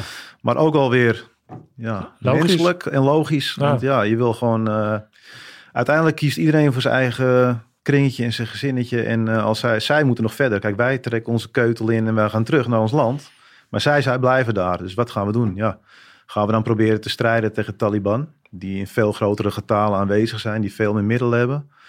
Die veel agressiever optreden dan wij. Of gaan we dan gewoon zeggen van... Nou, kom maar terug. En we zien wel hoe het eh, verder gaat bij jullie. Ja, Ja, lastig. ja. Een Bizar. dilemma voor die mensen, ja, absoluut. Ja, drama. Ja. Nee, nee, ehm, eh, kan je nog eens wat meer vertellen over je, over je missie? Wa- wat zijn de dingen die er zijn bijgebleven? En wat voor situ- Want jij hebt natuurlijk in het boek eh, van Olof, van de Schaduwoorlog, heb Ja. jij met name gehad over welke situatie heb je daar met name besproken? Met name het, ja, het, het eigen vuurincident op eh, 12 januari. In 2008 Dirrewood, een grote operatie Capsjas. Eh nou, dat liep echt ja, gigantisch mis natuurlijk. Eh, het was één, het was heel slecht weer op dat moment. Eh, dus- Winter, Ja, sneeuwde winter, het? Winter, sneeuw, regen. we reden met de Fenix naar de eerste positie. Toen lag er al een Fennec bijna van een brug af. Want dat stortte gewoon in. Het was echt ja, zwaar, slecht, echt slecht begaanbaar. Ehm, plus dat het was zo'n grote operatie. En dat verschillende eenheden zo verspreid zaten van elkaar. De een kon flink wat meters maken naar voren. Maar de ander werd opgehouden doordat ze ja, eh, in- contact, in, in een tik raakten. En aan het eind van die dag eh, zaten ze zo versprongen. Maar ertussenin was een redelijk open veld. Uh, we hadden heel goed overzicht daaroverheen trouwens. Eh, ja, wat gebeurt er s'nachts? Het werd een beetje schemerig en het was al slecht weer natuurlijk. Kleine clubjes Taliban verspreiden zich eh, door het hele gebied van Derewood. Maar ja, omdat alle eenheden zo versprongen zaten over het gebied. Ja, dat wordt gewoon natuurlijk, je zit in elkaar sector op een gegeven moment. Nou, uh, op het moment dat het uh, een beetje schemerde, toen wij stonden bovenop een cemetery Hill Noord noemden ze dat. Dat zat tussen Camp Hadrian en Kamp Volendam in. Dus wij zagen eigenlijk, wij keken richting onze eigen troepen en daartussenin zat de Taliban. Uh, het was zulk slecht weer en er kwamen allemaal berichten binnen van, ja, we zien strijders lopen. Dus er werden lichtgranaten werden geschoten vanaf Camp Hadrian. Maar door de wind werden die eigenlijk gewoon recht boven mijn voertuig geplaatst op uh, Cemetery Hill. Dus wij stonden hoog. En werden volledig in het licht gezet. Dus ik deed het luik van die Fennec open en ik kijk omhoog. En ik eh, zie in één keer... Ik kijk zo om en ik zie allemaal van die groene vuurvliegjes, noem ik ze nog steeds eigenlijk. Het eerste wat ik dacht, huh? Dat ik echt even twee seconden. Hè? Ze schiet op mij. Wa- ik had een mag voor me staan, dus ik ben terug gaan vuren met de mag. En het was echt op 80 meter, beneden in die kwala. Je zag de mondingsvlam er ook uitkomen. Nou, op dat moment wilde ik me, mijn chauffeur, die we hadden een roulatieschema voor de nacht eigenlijk. Dus mijn chauffeur die zat op de schuttersplek. Ik zeg, pak die punt 50 en begin. eh, nou, die raakte een beetje van. Die had een beetje die, die druk en die wist niet meer hoe hij het wapen moest eh, bedienen. En mijn chauffeur zit voor. En ik zeg, of tenminste, mijn schutter zit op de chauffeursplek. Ik zeg, die bak moet achteruit, want we liggen onder vuur. Die had ook een beetje een freeze momentje van, oh, ik krijg die bak niet achteruit. Dus die moest ik laten wisselen. Nou, dat was al een, eh, een, een ding op zich. Ik zeg, onderluiks wisselen. Nou, je weet, je hebt je Fennec van binnen wel eens gezien. Ja. De chauffeur in het midden en dan, dan rechts achter en links achter zitten de andere twee. Nou ja, het is maar een klein gangetje en daar moet dan iemand doorheen. Vol met eh scherfvest en dat soort zaken. En die moest onderlu- onderluiks gaan wisselen. Nou, wat deden ze? Ze gooiden de klep open, boven, klep open. Ze ging boven langs en ik was ondertussen met die mag aan het vuren naar beneden. Zo'n stuk vanaf mijn schutter. Dus dat was al best wel een, eh, een chaotisch momentje. Eh, en op het moment dat wij eigenlijk zo, eh, zo in het licht werden gezet, ja, bleven ze vuren vanuit, de, vanuit die kwala. En ik zag ook mondingsvlamdempers naar de overkant gaan van de kwala. Dat was een open terrein. En daar zaten dus ook die jongens die ja, door eigen vuur zijn, zijn omgekomen. Dus het was één grote chaos op dat moment. Eh, ja, Ja, dus de eh, ze noemen dat ook wel eens een beetje de, de folk of war. Hè? Dus er zijn, Ja. het, zijn, het zijn vaak eh, een opeenstapeling van factoren. Ja. Die, eh, en het, eh, ik weet niet wat je een naam nou wil geven, of je nou of war of Murphy's Law of wat dan ook. Maar je ziet gewoon dat een aantal dingen zijn slecht weer. ja. Ehm, eh, vooraf zijn er een aantal dingen gebeurd. Misschien Ja, je, je chauffeur zit op de verkeerde plek eigenlijk. Chauffeur zit op de verkeerde plek. Ze het wel moeten kunnen, maar op dat moment, omdat het zo druk is en chaos, dat ze even niet meer weten hoe ze je kunnen ondersteunen met eigenlijk het belangrijkste wapen op dat moment. Wat ik dan wel weer knap vind van de Taliban, of het nou, ja, vraag me dan wel eens af, hè, zouden ze dat dan bewust gedaan hebben? Zouden ze gezien hebben van, hé, hey, die lui zitten eigenlijk eh, helemaal niet goed verdeeld. Hè? Dus ze, ze- ze- Ja. we kunnen, als we tussen hun in gaan zitten, Ja, dan kan het zomaar zijn dat ze op elkaar geschieten. Zouden zij, zouden, ja, ik vraag me dat wel eens af. Of ja dat ik dan- vraag me ook wel af. Ik, ik, ik denk het aan de ene kant niet. Eh, want als ik naar het gebied krijg, was een heel open, een heel open stuk. En de voorste rand aan, aan de, de plek waar wij stonden, wij stonden natuurlijk hoog. Dat was, waren kwala's en die waren aaneengeschakeld. Dus ze konden heel goed zo ongezien heen en weer manoeuvreren. Maar dat was al genoeg, want wij stonden natuurlijk hier en aan de andere kant stonden de andere uh, compagnieën, zeg maar, die die opmars maakten. Dus ja, en dan krijg je al die beweging ertussen. Het was eigenlijk heel slim van ze natuurlijk. Ja, om daartussen te gaan zitten. Ja. Of ze dat bewust hebben gedaan, durf Ja. ik niet te zeggen. Nou ja, ik was. eh, ja, ja, nou ja, bizarre situatie als iedereen, als iemand daar meer interesse in heeft om daar dat over te lezen, dan lees met name dan ook het eh, boek, alle details. En, ehm, Ja, en het bizarre is ook dat ik nu ik dat boek gelezen heb van Olof, dan krijg je natuurlijk dat, dat, dat verhaal komt samen vanuit diverse eh, mensen die, daar, die aan die actie meededen. En dan valt eigenlijk alles een beetje op zijn plaats. Want je ziet de chaos die zij hadden, doordat zij ook geen zicht hadden. Of een kwala innamen en ondertussen mensen aan zagen komen lopen. Waarschijnlijk OMF-strijders. En wat voor chaos er eigenlijk op dat moment was. En daar valt en staat eigenlijk die hele operatie mee. Doordat het zo versprongen zat en eigenlijk de, de communicatie zo slecht was van, waar zit nou iedereen? Uh, wat is iedereen's sector? Wat kunnen we doen? Waar zit de OMF? Werd het één grote uh, ellende eigenlijk, ja. Ja, ja bizar joh. Hey, en uh, ja, wij, wij, ik heb, jij zat daar in 2007, begin 2008 en we praten nu over januari. Ja. Ik ben in april daar aangekomen, uh, maar wij hebben elkaar niet meer ge, gezien. Want jij was eigenlijk, uh, jou, het einde van jouw missie is ook niet helemaal uh, soepel verlopen. Nee, nee. Wij, eh, drie weken voordat we echt helemaal klaar zouden zijn, eh, kregen we een opdracht om naar Mirabat te gaan. En ook zo'n plek, net als Kakkerak en Mirabat. Ja. ja, en dat werd al van tevoren aangegeven van ja, veel bermbommen daar. En dus wij hadden al aangegeven, nou, het liefst worden we daar dan aan de overkant van die vallei daarin gevlogen. En dan gaan we wel te voet door die vallei heen. Want we hadden al verhalen gehoord dat daar nou, mensen volledig uit zijn geschoten uit die vallei. Dus wij dachten, ja, met voertuigen daar, bermbommen. mm. Iedereen had er een beetje een nare smaak bij. Maar ja, puntje paaltje, wat gebeurt er? We worden naar Mierenbad gestuurd. Een verkenningseenheid van eh, het 45 ging, eh, ging via de noordkant en wij gingen via de zuidkant erin. Eh, we gaan richting de zuidkant, komen bij een ANP-post, dus de Afghaanse politie. En toen dachten we, we gaan wel even vragen van hoe wat kunnen we hier het gebied in? Wat is er de laatste tijd gebeurd? En, dus wij rijden daarop en we gaan de intel daar halen. En die zeggen ook van, nou, ik weet niet wat jullie gaan doen. Maar als je hier doorrijdt, dat is één groot bermbomtapijt. Dat hoef je niet te proberen met voertuigen. Dus wij hebben dat doorgegeven aan de ops. En die eh, nou, even moeten overtuigen natuurlijk van, eh, we, we kunnen echt niet door. Eh, kunnen we gaan derouteren? Kunnen wij ook via Noord? Nou, kregen we een go om dan via Noord dan ook erin te gaan. En we draaien eigenlijk van onze Overwatch af, de berg af. En ik sta bovenop. Want normaal reed ik of mijn Echo-voertuig, zeg maar, reden voorop. Had je wel golfies bij je dan? Ja, één golfje. Oh, En één eh, MB softop met twee eh chinisten erin. Een MJ-team van de mariniers hadden we mee. Ja. Eh, een EOV Patria en dan eh, vier voertuigen van ons. Ja. En normaal reed ik er voorop of mijn Echo voertuig reed voorop. En als tweede een Golf. Alleen omdat we de laatste periode van de uitzending zaten, zei eh, mijn luitenant van, gaan jullie lekker een beetje achterin? Kunnen jullie een beetje genieten van het uitzicht? Weet je, een beetje op die manier.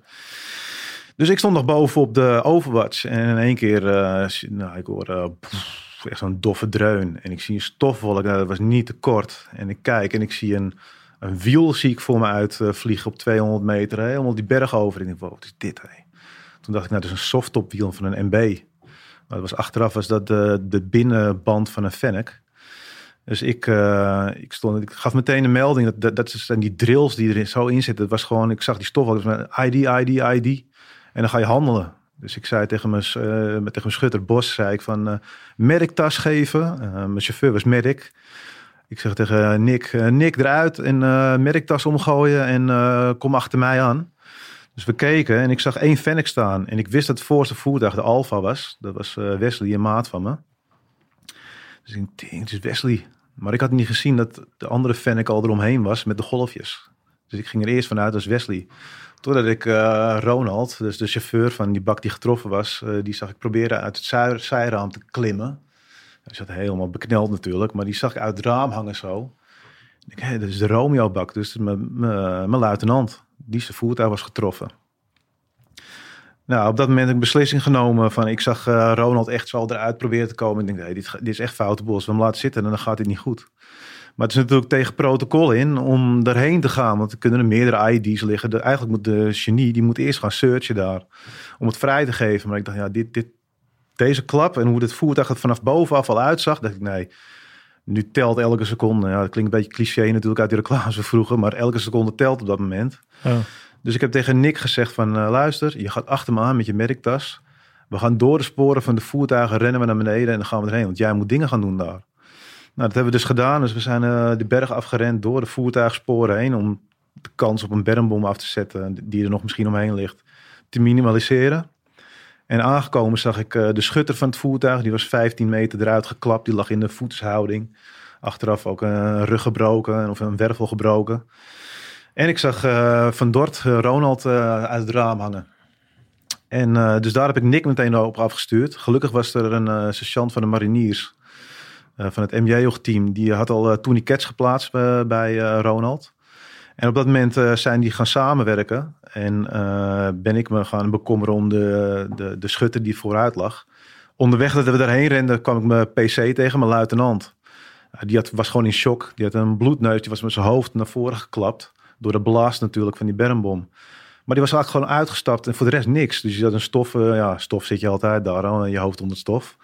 Maar uh, bloeden, maar die, was- echt duidelijk in shock. Die was, je zag het gewoon in zijn ogen zo van, oké. Die hebben op een gegeven moment ook neergezet met een, eh, met een radiootje die het niet eens deed. Zo van, eh, blijf jij maar in de verbinding. Hè? En die zat zo tegen het voertuig van de mariniers aan zo. Ja, die wist even niet meer eh, hoe die het had. Logisch ook, want eh, die hadden, die hadden een, flinke, een flinke dreun gehad natuurlijk op dat moment. Ja. Nou, en de, ja, wij zijn eigenlijk gewoon de merks die kwamen bij elkaar. Op een gegeven moment kwamen de, de golfjes natuurlijk search, ons, search onderheen. En is er nog een medic van het andere voertuig bijgekomen. Dus qua, qua medische specialist op dat moment was het perfect. En mijn, mijn chauffeur was 18 destijds, of net 19. En het was echt wel eentje van, nou, dat ik af en toe dacht van, Jezus Christus. ja, 19 jaar, ik was iets ouder, natuurlijk 25. Maar ik dacht van, kom op man. Word even een beetje volwassen. Maar ik kan ook niet verlangen van iemand van net 19 natuurlijk. Maar op het moment dat, dat hij daar Ronald moest helpen... Terwijl de benen er echt, het was één grote chaos natuurlijk. Want uh, ja, één been, de scheen was alleen nog het vel wat er hing. En het hing maar los zat te bengelen. En het andere was uh, zijn hele schoen was opgezet, want het was door de blast helemaal opgekruld. Ja. We moesten dus uh, zijn benen tussen het voertuig is natuurlijk nog een dikke aandrijfas. Die was omhoog geklapt als een soort van champignon. Zo plop. En daartussen tussen het stuur. Het stuur was gewoon dubbel gevouwen. Daar zitten zijn benen tussen. Het was gewoon chaos. We moesten hem eruit krijgen. En als je dan ziet hoe die jongen van 19 op dat moment levensreddende handelingen doet bij iemand. En gewoon echt alsof het een chirurg is die al 80 jaar niets anders heeft gedaan. Echt bizar om te zien. En daardoor eigenlijk Ronald zijn leven heeft gered. Want een half uur daarna kwam de, de. En toen was hij helemaal pannetje klaar om overgeleverd te worden. Ja, dat is, dat is wel bizar om dat mee te maken. Echt heel bizar. En de grootste massa was natuurlijk ook, waren heel veel rust op dat moment. Omdat uh, er was toevallig een vlucht van een uh, Apache. Die moest een, uh, een Chinook begeleiden daar. Die werd meteen vanaf die Chinook gehaald. En die kwam bij ons boven cirkelen. Om ja, alles vrij te houden van vijand. Het was redelijk open uitgestrekt. Dus wij konden eigenlijk de wapens achterop hangen. En gewoon gaan handelen en ons niet druk maken dat we aangegrepen werden. En dat is wel de mazzel geweest. Anders had Ronald het nooit gehaald. Ja. Heftig man. Ja. En hoe is het nu met Ronald? Heb je nog eens contact? Ja, zeker. Ja. ja. Nee, Ronald is, eh, die is eh, super sterk uitgekomen. Doet mee aan die, uh, die paar, tenminste de Olympische Spelen natuurlijk. Oh, ja. de Invictus Games en uh, zwemt. Maar ja, heeft wel uh, twee benen boven de knie moeten afzetten. Oh. heeft drie maanden in coma gelegen nog. Daarvoor toen hij na, na, die klap. Dus we waren echt eigenlijk meteen een heel bak, heel, heel voertuig waren we kwijt. Want mijn PC die was natuurlijk gewond geraakt. De, zijn schutter was gewond geraakt. Ronald die, uh, is naar Nederland gevlogen. Dat, ze noemen het nog steeds het medisch wonder. Die Australische artsen hebben daar een heel artikel over geschreven. Dat het ongelooflijk is dat hij het overleefd heeft. 126 liter nieuw bloed erin gespoeld in, in, de, in de man. Die daarvoor alleen maar leefde op peuk en Red Bull. ja. Maar uh, ja, het is ongelooflijk om, om, om zoiets mee te maken. En ik, ik vergeet ook nooit meer dat... Uh, we kwamen terug op het kamp. En uh, Ronald lag toen nog in, uh, in de rol 2 op uh, Kamp Holland. En mijn OPC zei van, ik wil hem nog wel even zien. Dus ik zei, ja, ik laat je niet alleen heen gaan, weet je. We gaan samen wel. En toen kwamen we eraan en we mochten naar binnen. En toen zag ik iemand liggen. Maar Ronald was echt een, dun mannetje, een iel mannetje. Helemaal opgeblazen. Nou, ik zag al twee benen afgezet. Maar helemaal opgeblazen. Dus ik herkende hem helemaal niet. Ik zag alleen maar aan zijn tatoeage op zijn arm dat hij het was. Dus mijn laatste beeld voordat hij uh, naar Nederland werd gevlogen, uh, was van een, uh, ja, een soort van Michelin popje, helemaal opgeblazen van vocht natuurlijk, afgezette benen. En toen, ja, een aantal maanden na, mochten we eindelijk een keer naar hem toe in het CMH in Utrecht. Toen kwam ik eraan en toen keek ik maar, nou, toen stond ik echt in shock. Toen was het net alsof je, ja, je ziet die beelden wel eens van een concentratiekamp, van die mensen die helemaal ingevallen zijn. Maar dat was op dat, moment Ronald. Geen vastvoeding meer, alles door een zonde heen. En helemaal ingevallen, doorlichtplekken natuurlijk. Dus die, ik moest zo schakelen van iemand die zo opgeblazen eruit zag de laatste keer... naar iemand die helemaal opgefroot is eigenlijk... omdat hij gewoon 3,5 maand in coma heeft gelegen. Dat was zoiets bizars om te zien. Ja, en hoe hij heeft moeten knokken. En zijn familie ook, want zijn familie is volgens mij zes keer werden ze opgebeld van... Ja, kom maar afscheid nemen, hij gaat niet halen. En zijn vrouwtje ook, vind ik ook bizar, is nog steeds bij hem ook. Ja, zoveel respect voor gekregen, niet normaal. Ja. Wat die daar uh, hebben moeten doorstaan. En het mooie is gewoon dat je nu, Ronald is gewoon... Ik denk dat hij er sterker uit is gekomen dan de meeste van ons, van onze club. Ja, zo positief staat hij in het leven en uh, zo sterk is hij geworden. Ja. Hmm. En nu zitten we samen bij het veteranen team ook. Dat is ook wel mooi. Dus we, ja, we hebben wel veel contact. Het is wel, ja. ja. Oh, mooi. Hij is wapenhersteller bij het KST, dus hij is nog steeds een beetje bij Defensie. Hij wel die link en uh, ja, ja, ja, bijzonder. Ja. Gouden vent, echt een, uh, ja. Mooi. Ja, absoluut. Uh, jij zegt um, sterker uitgekomen dan ons. hoe is het met jou? Ja, met mij goed. Ehm, tuurlijk heb ik er ook zelf wel wat last van gehad. In het begin was ik meer bezig met de anderen. Uh, vooral mijn chauffeur, dat ging echt slechte kant op. Ja. Uh, werd al heel snel uh, natuurlijk de label PTSS op geplakt. Ja. En op een gegeven moment eh, werd mijn eerste kindje geboren, mijn dochter. En toen merkte ik wel van, eh, als er een huiltje was en het de onmachtgevoel en dat mijn hartslag erop reageerde. Ik dacht, hé, hey, dit klopt niet helemaal. Ik wil me gewoon voor de zekerheid ook maar laten checken. Want er waren best wel veel van ons clubje, twaalf man maar, die toch bij de psycholoog terechtkwamen van alle dingen die we in die korte tijd hadden meegemaakt. Ja. Ik denk, nou, ik, ik ga me toch uit voorzorg maar eventjes praten, weet je wel. Nou, toen kwamen er echt wel dingen naar boven. Gewoon onverwerkte dingen die daar zijn gebeurd. En eh, een van de, de grote dingen waar ik heel lang mee heb gelopen is... tijdens het hele Bermbom-incident waarbij Ronald op die Bermbom reed... eh, had ik eigenlijk bijna geen gevoel. Ik weet nog dat een heleboel van die jongens waren echt ontdaan en huilen. En eh, ook toen we terugkwamen op het kamp, weet je wel, na- nadat we... eh, nadat Ronald al eh, was afgevoerd. En dan kom je terug op je kampje, ben je eigenlijk veilig. En ik zag al die gasten echt wel... Maar ik voelde bij mezelf helemaal geen tranen. Ik voelde geen verdriet. Ik dacht zo, jee, wat is het nou, man?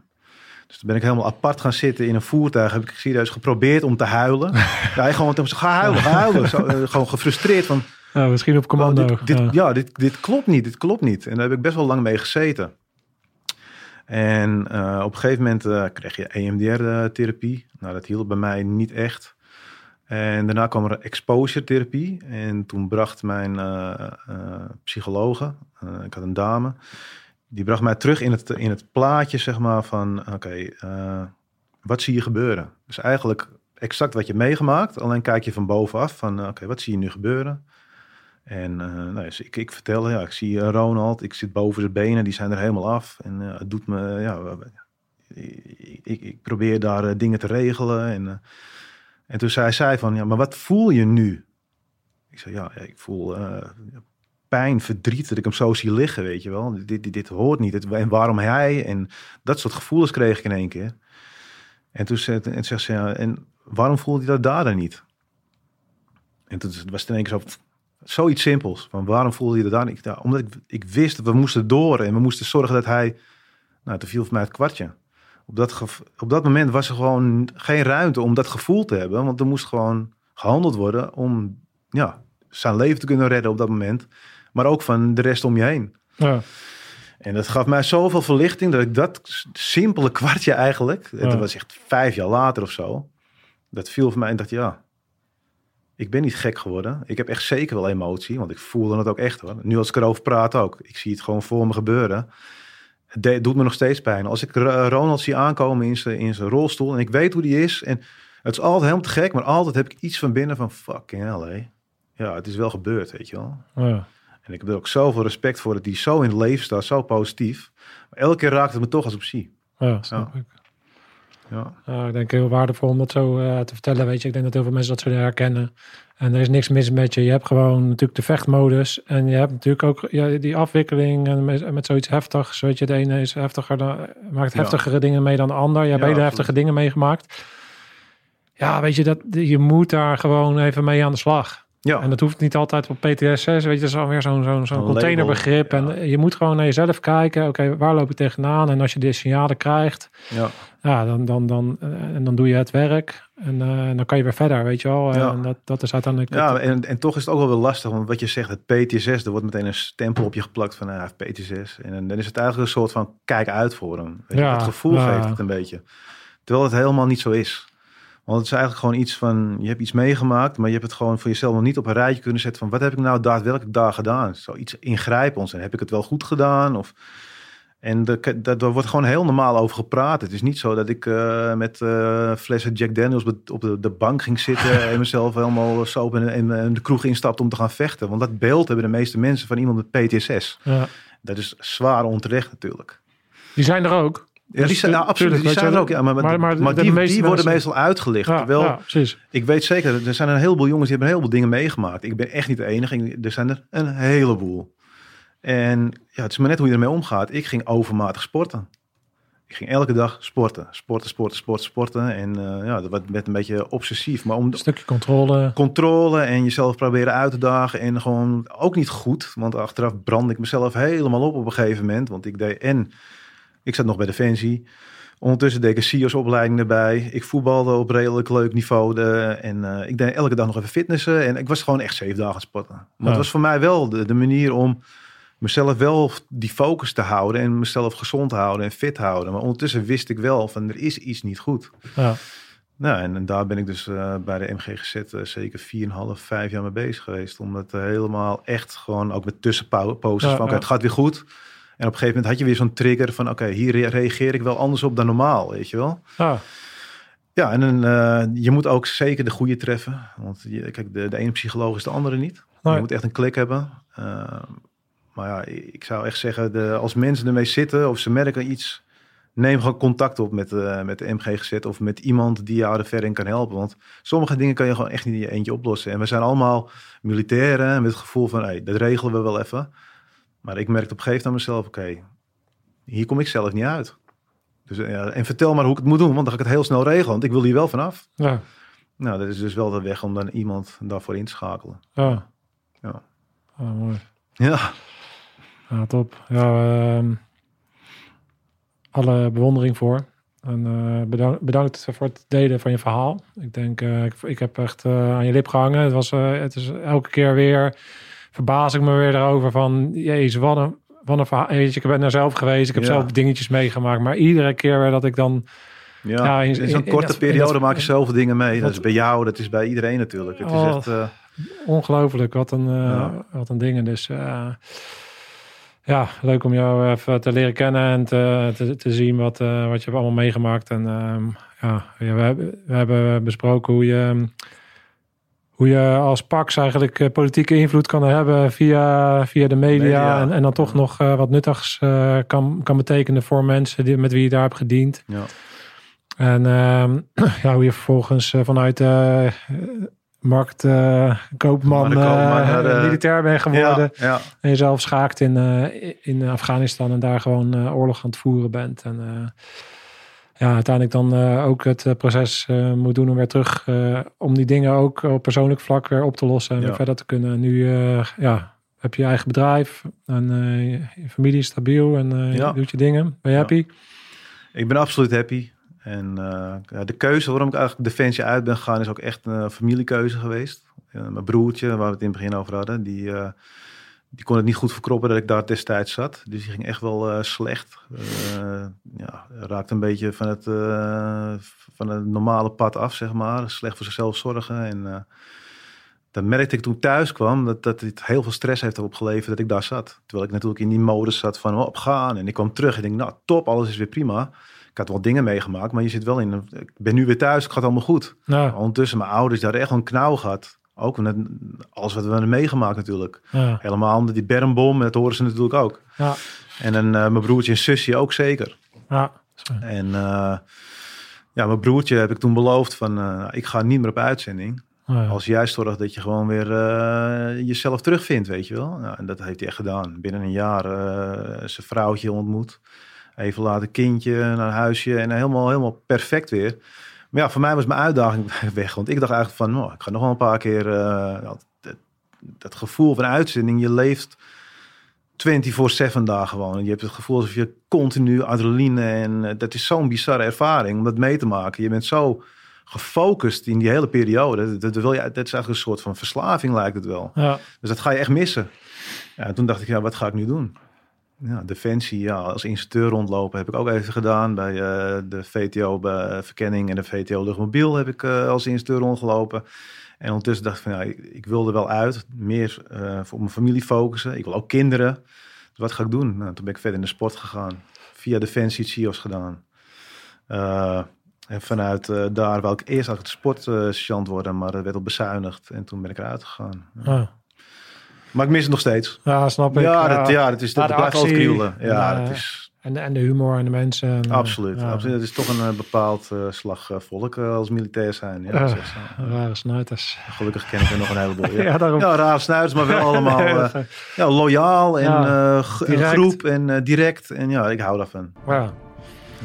Dus daarom liep het ook weer lekker zo'n gesprek. Ja, toch, het is gewoon, ja, we kennen elkaar helemaal niet, maar het is altijd een soort Nee, oude jongens ja, ja, gaan we met elkaar een beetje mooi man. Ja. Eh, heb je alles gezegd voor nu? Ja, ik denk het wel. Dat we flink hebben Ja. gehouden hoe het of niet. Ja, dat is mooi. eh mooi Ja, zeker. Dat eh, ja, goed om te doen. Dankjewel man. Ja, graag eh, gedaan. Ik ga er wat moois van maken. Eh, Er is niet veel eh, moeite voor nodig trouwens. Nou, jongens, eh, weer een bijzondere aflevering. Eh, Scherpschutters. Eh, Robert, ga hem volgen. Als je bij eh, Monnikendam in de buurt woont, eh, ga een keer lekker sporten. Koffie drinken. Uh, koffie drinken kan ook. Dus, eh, top. Bedankt voor het kijken. En eh, tot de volgende keer. Scherpschutters. Uit. Nou, top. Top man.